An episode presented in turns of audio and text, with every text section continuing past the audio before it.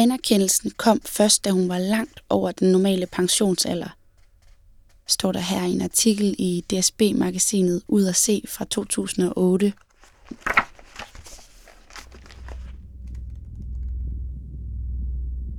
Det må siges at være en del af myten om Else Marie Pade, at hun var ukendt og først blev opdaget i det her årtusind. Det er dels pressen, der har været med til at skabe den myte, men også et helt apparat af institutioner. Og så har man jo bare set en lidt mytisk opbygning af, af Else Marie Pade. Det her er Sune Enderberg. Han er chefredaktør på tidsskriftet Seismograf og skrev sidste år en artikel, hvor han netop kritiserede den måde, man har skrevet og skriver om Else Marie Pade på. Det er jo kun, hvad man kan forvente, der sker i første omgang. Der har man ja-hatten på, og man siger, øh, wow, hvor er det spændende det her, og det er det jo også. Seismograf er en slags efterkommer af dansk musiktidsskrift, altså det tidsskrift, hvor Ingeborg Ockels og Henrik Marstal i 2001 udgav deres artikel om Else Marie Pade. Og det er faktisk også et tidsskrift, hvor Else Marie Pade selv har skrevet artikler til, tilbage i 1950'erne og 60'erne. Artikler, som var med til at udbrede kendskabet til den elektroniske musik herhjemme. På et tidspunkt, så må man jo også bare sige, øh, er det, er det også helt rigtigt, hvad der er blevet sagt og skrevet, øh, og er det i virkeligheden de mest interessante ting, man taler om, og skal vi, skal vi have et lidt større billede, skal vi have en kontekst? Ude i verden blev hun anerkendt, herhjemme blev hun gemt og glemt i to generationer, før hun dukker op af glemslen som Danmarks elektroniske bedstemor, står der i den her antologi fra 2005. Sådan nogle skriverier her er med til at fortælle en historie om Else Marie Pade som komplet underkendt i sin samtid. Men graver man bare lidt i Edition S' papkasse og andre arkiver, finder man ud af, at hun har været en offentlig stemme i mange år, som skribent, som radiospeaker og som ugens portræt i Alt for damerne.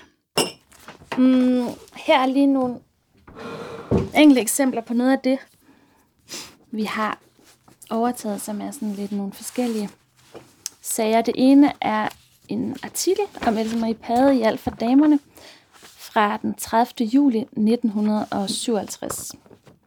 Det kostede 75 øre. Øhm, og der er hun ugens portræt. Og så hedder overskriften, musikken laves af barnegråd og mågeskrig. Og her i får hun mulighed for at fortælle om den konkrete musik. Hvor hun ret sådan detaljeret fortæller om, hvordan hun arbejder øhm, med konkret musik, og hvad konkret musik er. Øhm, og så er der også nogle spørgsmål til, hvad hendes mand siger til det, og sådan der, det, det er sådan ligesom på grænsen mellem øh, det personlige og det professionelle. Og der øh, spørger de også, efter hun har fortalt om den konkrete musik, om hun også skriver musik for almindelige instrumenter. Og så skriver hun, ja da, jeg har fået opført en børneballet over temaet Den Store Bastian, og nu har jeg fået antaget en trompetkoncert for solotrompet og symfoniorkester. Øh, så bliver hun også spurgt, hvad gør de mere end at skrive musik? Jeg passer hus, børn og have. Jeg har handlet mig hushjælp til en ung pige, der vil være musikpædagog for kost, logi, noder og musikundervisning hos mig. I stedet giver hun mig hushjælp. Og deres mand, vi to ser for lidt til hinanden. Det er også en del af myten om Else Marie Pade, at hendes musik ikke blev anerkendt i hendes samtid. Men Langt de fleste af hendes elektroniske værker er opført i landsdækkende radio, og hun blev også interviewet om dem. Hvad er det, der tiltrækker? Jeg må først sige, at Else Marie Pade jo selv har øh, komponeret for almindelige instrumenter tidligere. Er det ikke nok? Jo, selvfølgelig kan man sige, at det er nok.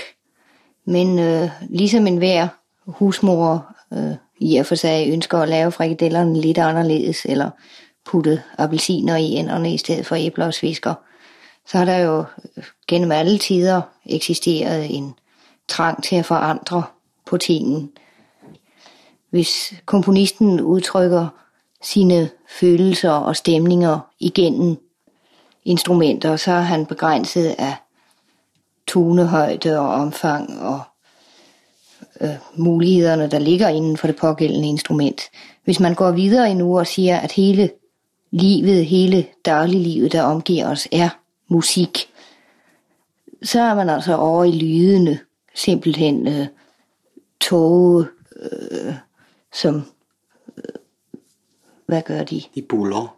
Ja, de, Og de går i en og bestemt instrumenter. rytme, og de fløjter, og der er skibsfløjter, og der er bilhorn, og der er cykelklokker, og alverdens ting. Alt det, vi er omgivet af til daglig. Og fugle. Og fugle. Selve det lydunivers, vi er omgivet af til daglig. At man prøver på at indordne det i et musikalsk, kompositorisk forløb. Hvis en maler prøver på at overføre noget, øh, en stemning, han opfatter, så kan det godt være, at han maler træerne blå, fordi han nu tilfældigvis føler, at de træer er- er blå i stedet for grønne og brune. I klippet her bliver der talt om musik for almindelige instrumenter. Altså musik, som ikke er elektronisk, men skrevet for helt almindelige akustiske instrumenter. Der blev opført akustisk musik af Else Marie Pade både i 50'erne, 60'erne, 70'erne og 80'erne. Og hendes musik blev anmeldt i pressen. I 1970 tildelte Statens Kunstfond faktisk også Else Marie Pade et treårigt arbejdslegat, og det må det sige at vidne om en vis anerkendelse. Dengang var der endda langt færre end i dag, der fik legater. Det giver heller ikke nødvendigvis mening at måle Else Marie Pades anerkendelse i forhold til hendes mandlige komponistkolleger. Hun var som sådan ikke komponist på fuld tid. Hun arbejdede på radioen om dagen og lavede sin musik efter arbejdstid, ofte om natten. Ved siden af skulle hun så samtidig jonglere familieliv, hus, mand og to børn. En af de børn hed Morten Pade, og han husker det sådan her. Vi boede jo i det fine Klampenborg.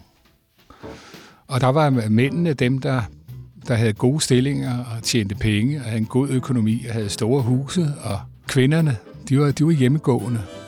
Der var stort set ikke nogen, nogen kvinder der, øh, i, i, i vores kvarter, som, som, som havde udarbejdet. Så på den måde var min mor jo atypisk. Og øh, at hun så kom ud på arbejdsmarkedet skyldtes jo også, at, at, det be, at allerede der, da jeg var omkring en 7-8 år, ikke, så begyndte det jo virkelig at knage mellem mine forældre der. Ikke? Og på et tidspunkt så flyttede min far jo, og så sad mor der i det store hus der, ikke? og selvom min far øh, gav noget bidrag, så, så var det svært at klare sig, og min, min mor var, var heller ikke verdens bedste økonom. Ikke? Og havde man penge, så, så, så var det godt, og, og havde man ingen, nå ja, som hun sagde, pyt, bare vi er raske. det var så den der ubekymrethed for, for fremtiden og med økonomien og sådan noget. Ikke? Det, det gik ikke rigtig ind. Men hun, hun måtte jo ud og, og klare sig på arbejdsmarkedet, og, og der var det så, så heldigt, at øh, kvæg øh, min fars øh, arbejde på radioen, så kendte hun jo øh, forskellige mennesker på radioen. Og øh, Karl Bjarnhoff, journalisten, han manglede en sekretær og ringede faktisk til min mor og spurgte, om hun kendte en eller anden sekretær. Og så sagde hun, du kan da godt få mig, øh, for jeg søger faktisk noget arbejde. Så sagde han, ja, men altså, det skal jo være en, der er kontoruddannet og så videre. Ja, men det har jeg lært. Jeg kan godt skrive på maskinen. Jeg har været på kursus og alt sådan noget der. Hun skrev glimrende på maskinen. Tifinger, det har hun altid gjort. Og så startede hun som sekretær for ham. Som alle kvinder i 1950'erne levede og arbejdede Else Marie Pade i høj grad på patriarkatets præmisser. Der var mange forventninger til kvinders rolle i samfundet, og hun har helt sikkert kæmpet mod alle mulige strukturer, der medvirkede til, at hun ikke kunne få den samme komponistkarriere som hendes mandlige kolleger. I et interview i 1980 ser Else Marie Pade tilbage på sin konservatorietid, hvor hendes underviser proklamerede, at hun som pige måtte vælge mellem musikken og familien.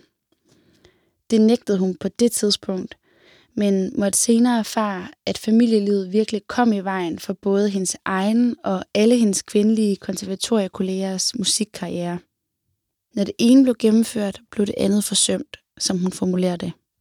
Og man ikke det var sværere for Else Marie Pade at jonglere familieliv og karriere, end hvis hun havde været en mand.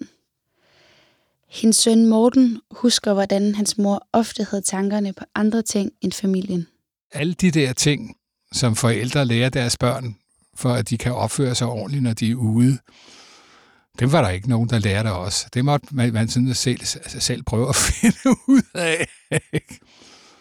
altså, spise ordentligt med kniv og gaffel og sådan noget. Ikke? Altså, jeg var for eksempel utrolig længe om at lære at snøre sko. Ikke? Altså, jeg, jeg, jeg kunne holde på en skruetrækker og, og, og skille radio ad og sådan noget, inden jeg kunne snøre sko. Men sådan noget, sådan noget gik hun ikke op i. Altså, det gjorde hun ikke. Og i, i det hele taget, altså de praktiske ting, det, det havde vi jo folk til. Vi havde jo hushjælp og rengøringshjælp også ind imellem og, og sådan. Ikke? Altså, det interesserede hende ikke. Og det, det gik min far lidt på, fordi det, det ville han jo også gerne have, at hun havde kunnet. På den anden side havde Else Marie Pade i Danmarks Radio et unikt frirum, hvor hun i en vis grad kunne eksperimentere på sine egne præmisser, endda på udstyr i verdensklasse. Måske også derfor er mange af hendes værker en form for hybrid mellem musik og radioudsendelser. Det er den fantastiske fortælling om Jonas og valen. Og lad os nu høre, hvordan det gik. I første omgang kan man jo sige, at hun kommer ind på Danmarks Radio øh, som altså i virkeligheden en meget privilegeret øh, komponist i betragtning af, at hun gerne vil lave elektronisk musik, øh, eller konkret musik, eller hvad man nu øh, skal kalde det. Hun får jo alle de her øh, store apparater stillet til rådighed inde på Danmarks Radio sammen med øh, en eller flere radioteknikere, fordi hun har ikke øh, selv teknikfærdigheder til at, at styre de der store apparater, som man også kender fra elektromusikstudiet i, i Stockholm for eksempel. Altså der skal man have nogle teknikere, som kan, kan hjælpe sig. Og det har hun derinde, øh, som mere eller mindre den eneste komponist i Danmark, har hun jo rent faktisk øh, de muligheder. I det, der er skrevet om Else Marie Pade de sidste 20 år, hersker der en vis modstandsretorik. Modstand fra omgivelserne, der ikke vil forstå hendes musik. Hun overlevede modstanden og endte med at blive elsket, lyder eksempelvis politikens nekrolog over Else Marie Pade fra 2016, der også skriver, at danskerne var ikke klar til at høre på en kvindelig musikalsk avantgardist. Else Marie Pade-receptionen har været præget af, at man er gået meget biografisk til værks. Altså, og man har skildret den her komponist, som har et meget spændende øh, biografisk liv, modstandskvinde og alt det her. Og, øh, og på den måde har man så set en, en radikal person, og det har man så oversat til, at hun også øh, laver radikal musik. Og det er jo den oversættelse, der, øh, der er lidt, lidt tvivlsom, og som gør, at man, øh, man ikke får det, det fulde, måske helt sande billede af Else Marie Pade som komponist. Måske skal man ikke tolke på receptionen af Else Marie Pade med nutidens briller, men nærmere sætte hende ind i den sammenhæng og den tid, hun kom frem i. Man har vel lov til med nogenlunde sikkerhed at gå ud fra, at for de allerfleste danske musiklyttere er indtil dette øjeblik begreber som konkret musik og elektronisk musik, så nogenlunde lige med sort magi.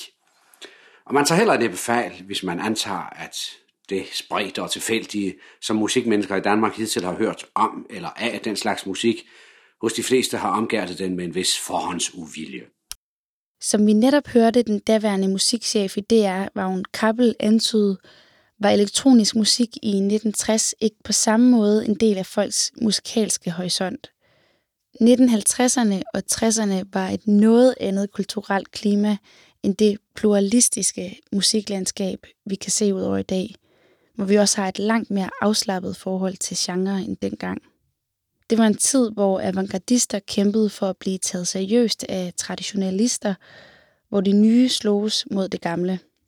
Altså 1960'erne og selvfølgelig også slutningen af 1950'erne, hvor Else Marie Pade begynder sin karriere som komponist, er jo nok en periode, som øh, kan beskrives som epokegørende i dansk musikhistorie, fordi man her oplever en hel masse meget øh, voldsomme diskussioner i offentligheden. Øh, og det handler jo både om rentalisme-debat og oprettelsen af Kulturministeriet og øh, P3 på øh, Danmarks Radio. Og vi ser en masse skandalekunstnere. Vi har Namjoon Paik op på Louisiana og, Og en, en masse andre af den slags ting, og det, det ser man også i komponistmiljøet i Danmark, som jo øh, prøver at komme ud af Karl Nielsens skygge. Øh, Karl Nielsen har jo øh, som, altså siden sin død i 1931 lagt som sådan en øh, øh skygge over det komponistmiljø, der prøver at skabe øh, nogle nye måder at, at lave musik på.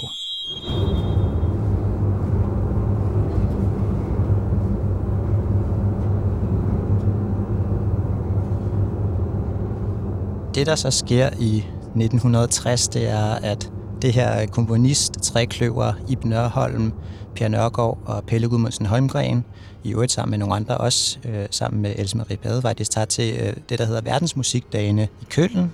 Øh, og her kommer de så ned og opdager alt det, der er sket uden for Osteklokken i Danmark. Ikke? Altså de opdager de her nye modernistiske strømninger og Boulez og Ligeti og de her øh, meget hårdt konfronterende måder at skrive musik på.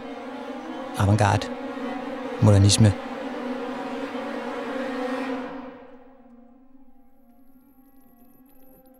Else Marie Pade orienterer sig i retning af de her nye, progressive, internationale strømninger.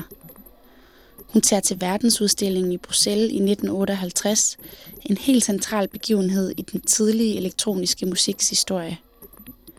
Her blev der opført værker af næsten alle Europas førende elektroniske komponister, og Else Marie Pade skriver meget begejstret om turen. Hun tager også gentagende gange til konferencer for ny og eksperimenterende musik i byen Darmstadt i Tyskland op gennem 60'erne. Her finder hun åndsfælder i de internationalt anerkendte komponister Pierre Schaeffer, Karl-Heinz Stockhausen og Pierre Boulez, som hun senere udveksler breve med. De breve finder man også i papkassearkivet. Else Marie Pade og Stockhausen bliver faktisk ret gode venner. Han bliver inviteret til middag i hjemmet i Klampenborg og sender sidenhen julekort hvert år. Men fornemmer, at især Stockhausen tager Else Marie Pades musik dybt seriøst. Han bruger hende som testlytter af nogle af sine egne ting, og bruger desuden Else Marie Pades elektroniske værk Glasperlespil 2 som undervisningsmateriale.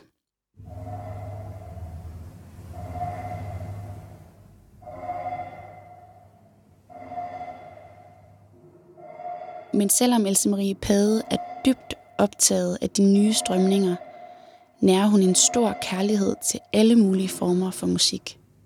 Der blev jo faktisk udgivet gramofonplader med ny musik. Men ikke elektronmusik og heller ikke konkret musik, men det, man kalder ny musik. Altså noget, der var ud over det almindelige tonale øh, system. Ikke? Altså startende med, med 12 musik, Schönberg og sådan noget. Det har hun jo også været igennem. Og vi hørte faktisk sådan nogle af de der plader, for hun var nok en af de få i Danmark, der, der købte de der plader. Nogle blev udgivet på, på HMV og på altså etableret øh, pladeforlag. Og sådan noget hørte vi.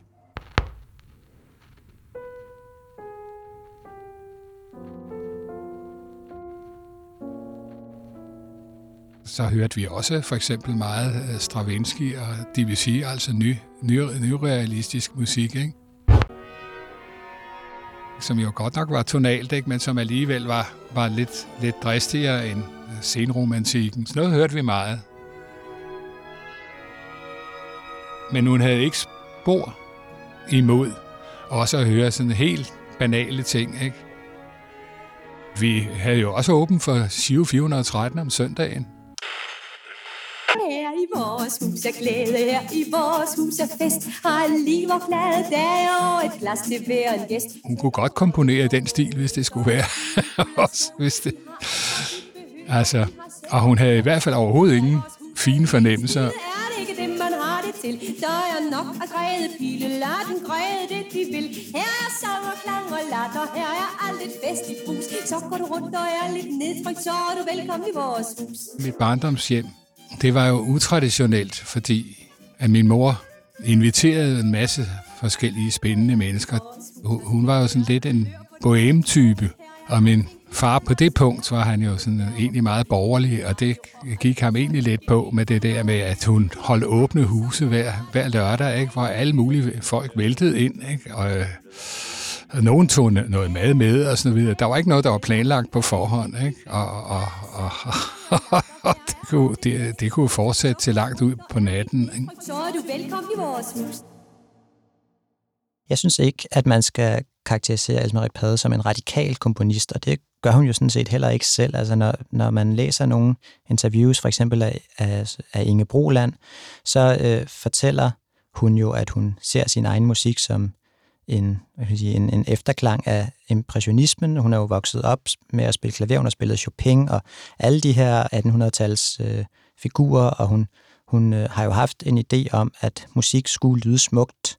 Det siger hun jo også, øh, jeg tror så sent som i 1995 i et interview, så siger hun, at det, det er vigtigt, at musikken lyder smuk, og hun bryder sig faktisk ikke om meget nyere elektronisk musik, og det er faktisk et citat, som, som bliver udladt øh, i, i den øh, reception, vi ser efter årtusindskiftet. Men hun, hun udtaler sig faktisk kritisk om udviklingen inden for elektronisk musik. Hun bryder sig ikke helt om øh, det, jeg tror, hun kalder det øh, skrækkeligt og fordi hun netop har den her skønhedsæstetik, som hun arver fra 1800-tallet og fra, fra sin øh, Schumann og så videre begejstring. Øh, og, og det synes jeg altså gør, at det er, det er svært at betragte hende som en radikal komponist. Og det betyder jo ikke, at hun er en dårlig komponist. Det betyder bare, at man skal ikke sige, at, at grunden til, at hun øh, måske bliver glemt efter, efter sin produktive periode i 60'erne, at det er fordi, hun har været for radikal, når samtiden har været så radikal. Øh, man, skal, man skal måske mere sige, at, at hun har været øh, mere romantisk, mere roligt anlagt på en måde i sin musik, og, og det kan man sagtens sætte pris på, men det kan man måske ikke sætte så meget pris på i en tid, der har været præget af så voldsomme æstetiske opgør, som, øh, som det nu engang var lige der omkring 1960.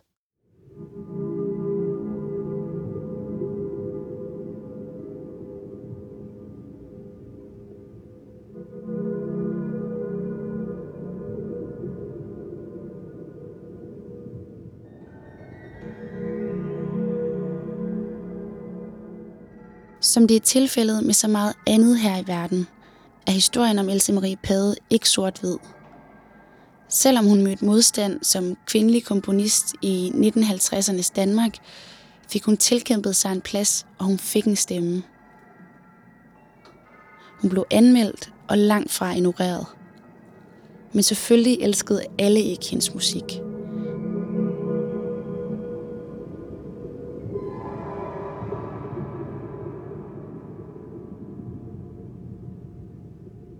Men så hende ikke på samme måde som en pioner i hendes samtid, som vi kan vælge at gøre i dag, hvor elektronisk musik er blevet så stort. Dengang blev elektronisk musik langt hen ad vejen betragtet som en forbigående ting. Men Else Marie Pade fik taletid i medierne, og hun blev gjort til talerør for en ny musikalsk strømning.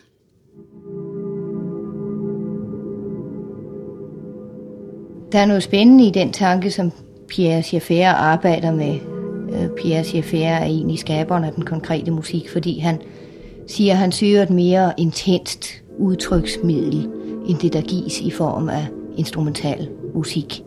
Det er kendskabet til Schaeffers konkrete musik, som har bragt dem ind på det. Ja, det er det absolut. Hun placerer sig dog hverken entydigt hos den progressive modernistiske fløj eller den reaktionære traditionelle fløj i dansk musikliv – hun var inspireret af tidens nye musikalske strømninger.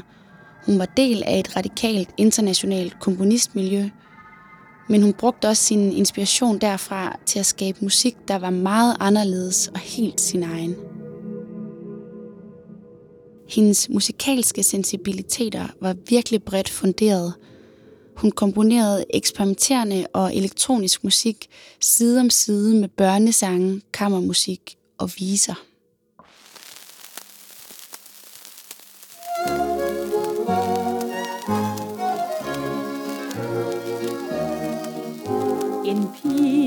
Gik ved havnen en nat og ledte efter sin lille kat. En sømand, en ung og hyggelig fyr. Hun gik på den måde meget på tværs af kategorierne. Og måske fordi hun netop ikke kunne putte sin kasse, blev hun ikke nedskrevet i historiebøgerne, og hendes navn blev dermed ikke overleveret til de næste generationer. Og i sjæle en tanke en sommernat. Sømanden, pigen og den lille kat. Men der var jo den her stak spolebånd på DR, som blev reddet, inden de havnede i containeren. Der var nogle breve og partiturer, der dukkede op blandt kvitteringer og regninger i et chatol hos Morten Pade. Og der var et navn, der i en bisætning blev givet videre til en ung musikvidenskabsstuderende, der skrev en artikel, så en ny generation fik øjnene og ørerne op for Else Marie Pade. Hun blev synlig, og hendes musik, hendes elektroniske musik, blev fundet frem og støvet af og remasteret og udgivet. Og det var den skulle nok ikke blevet, hvis ikke hun var blevet omfavnet så meget af en generation. Det vi kan glæde os til nu, det er at grave hendes akustiske musik frem og få den opført og lytte til den og få en indsigt i, hvad er det så for en periode i hendes musik? Fordi nu har vi arbejdet meget med den elektroniske del af hendes værker. Lad os se, hvad det andet gemmer. Det bliver super spændende.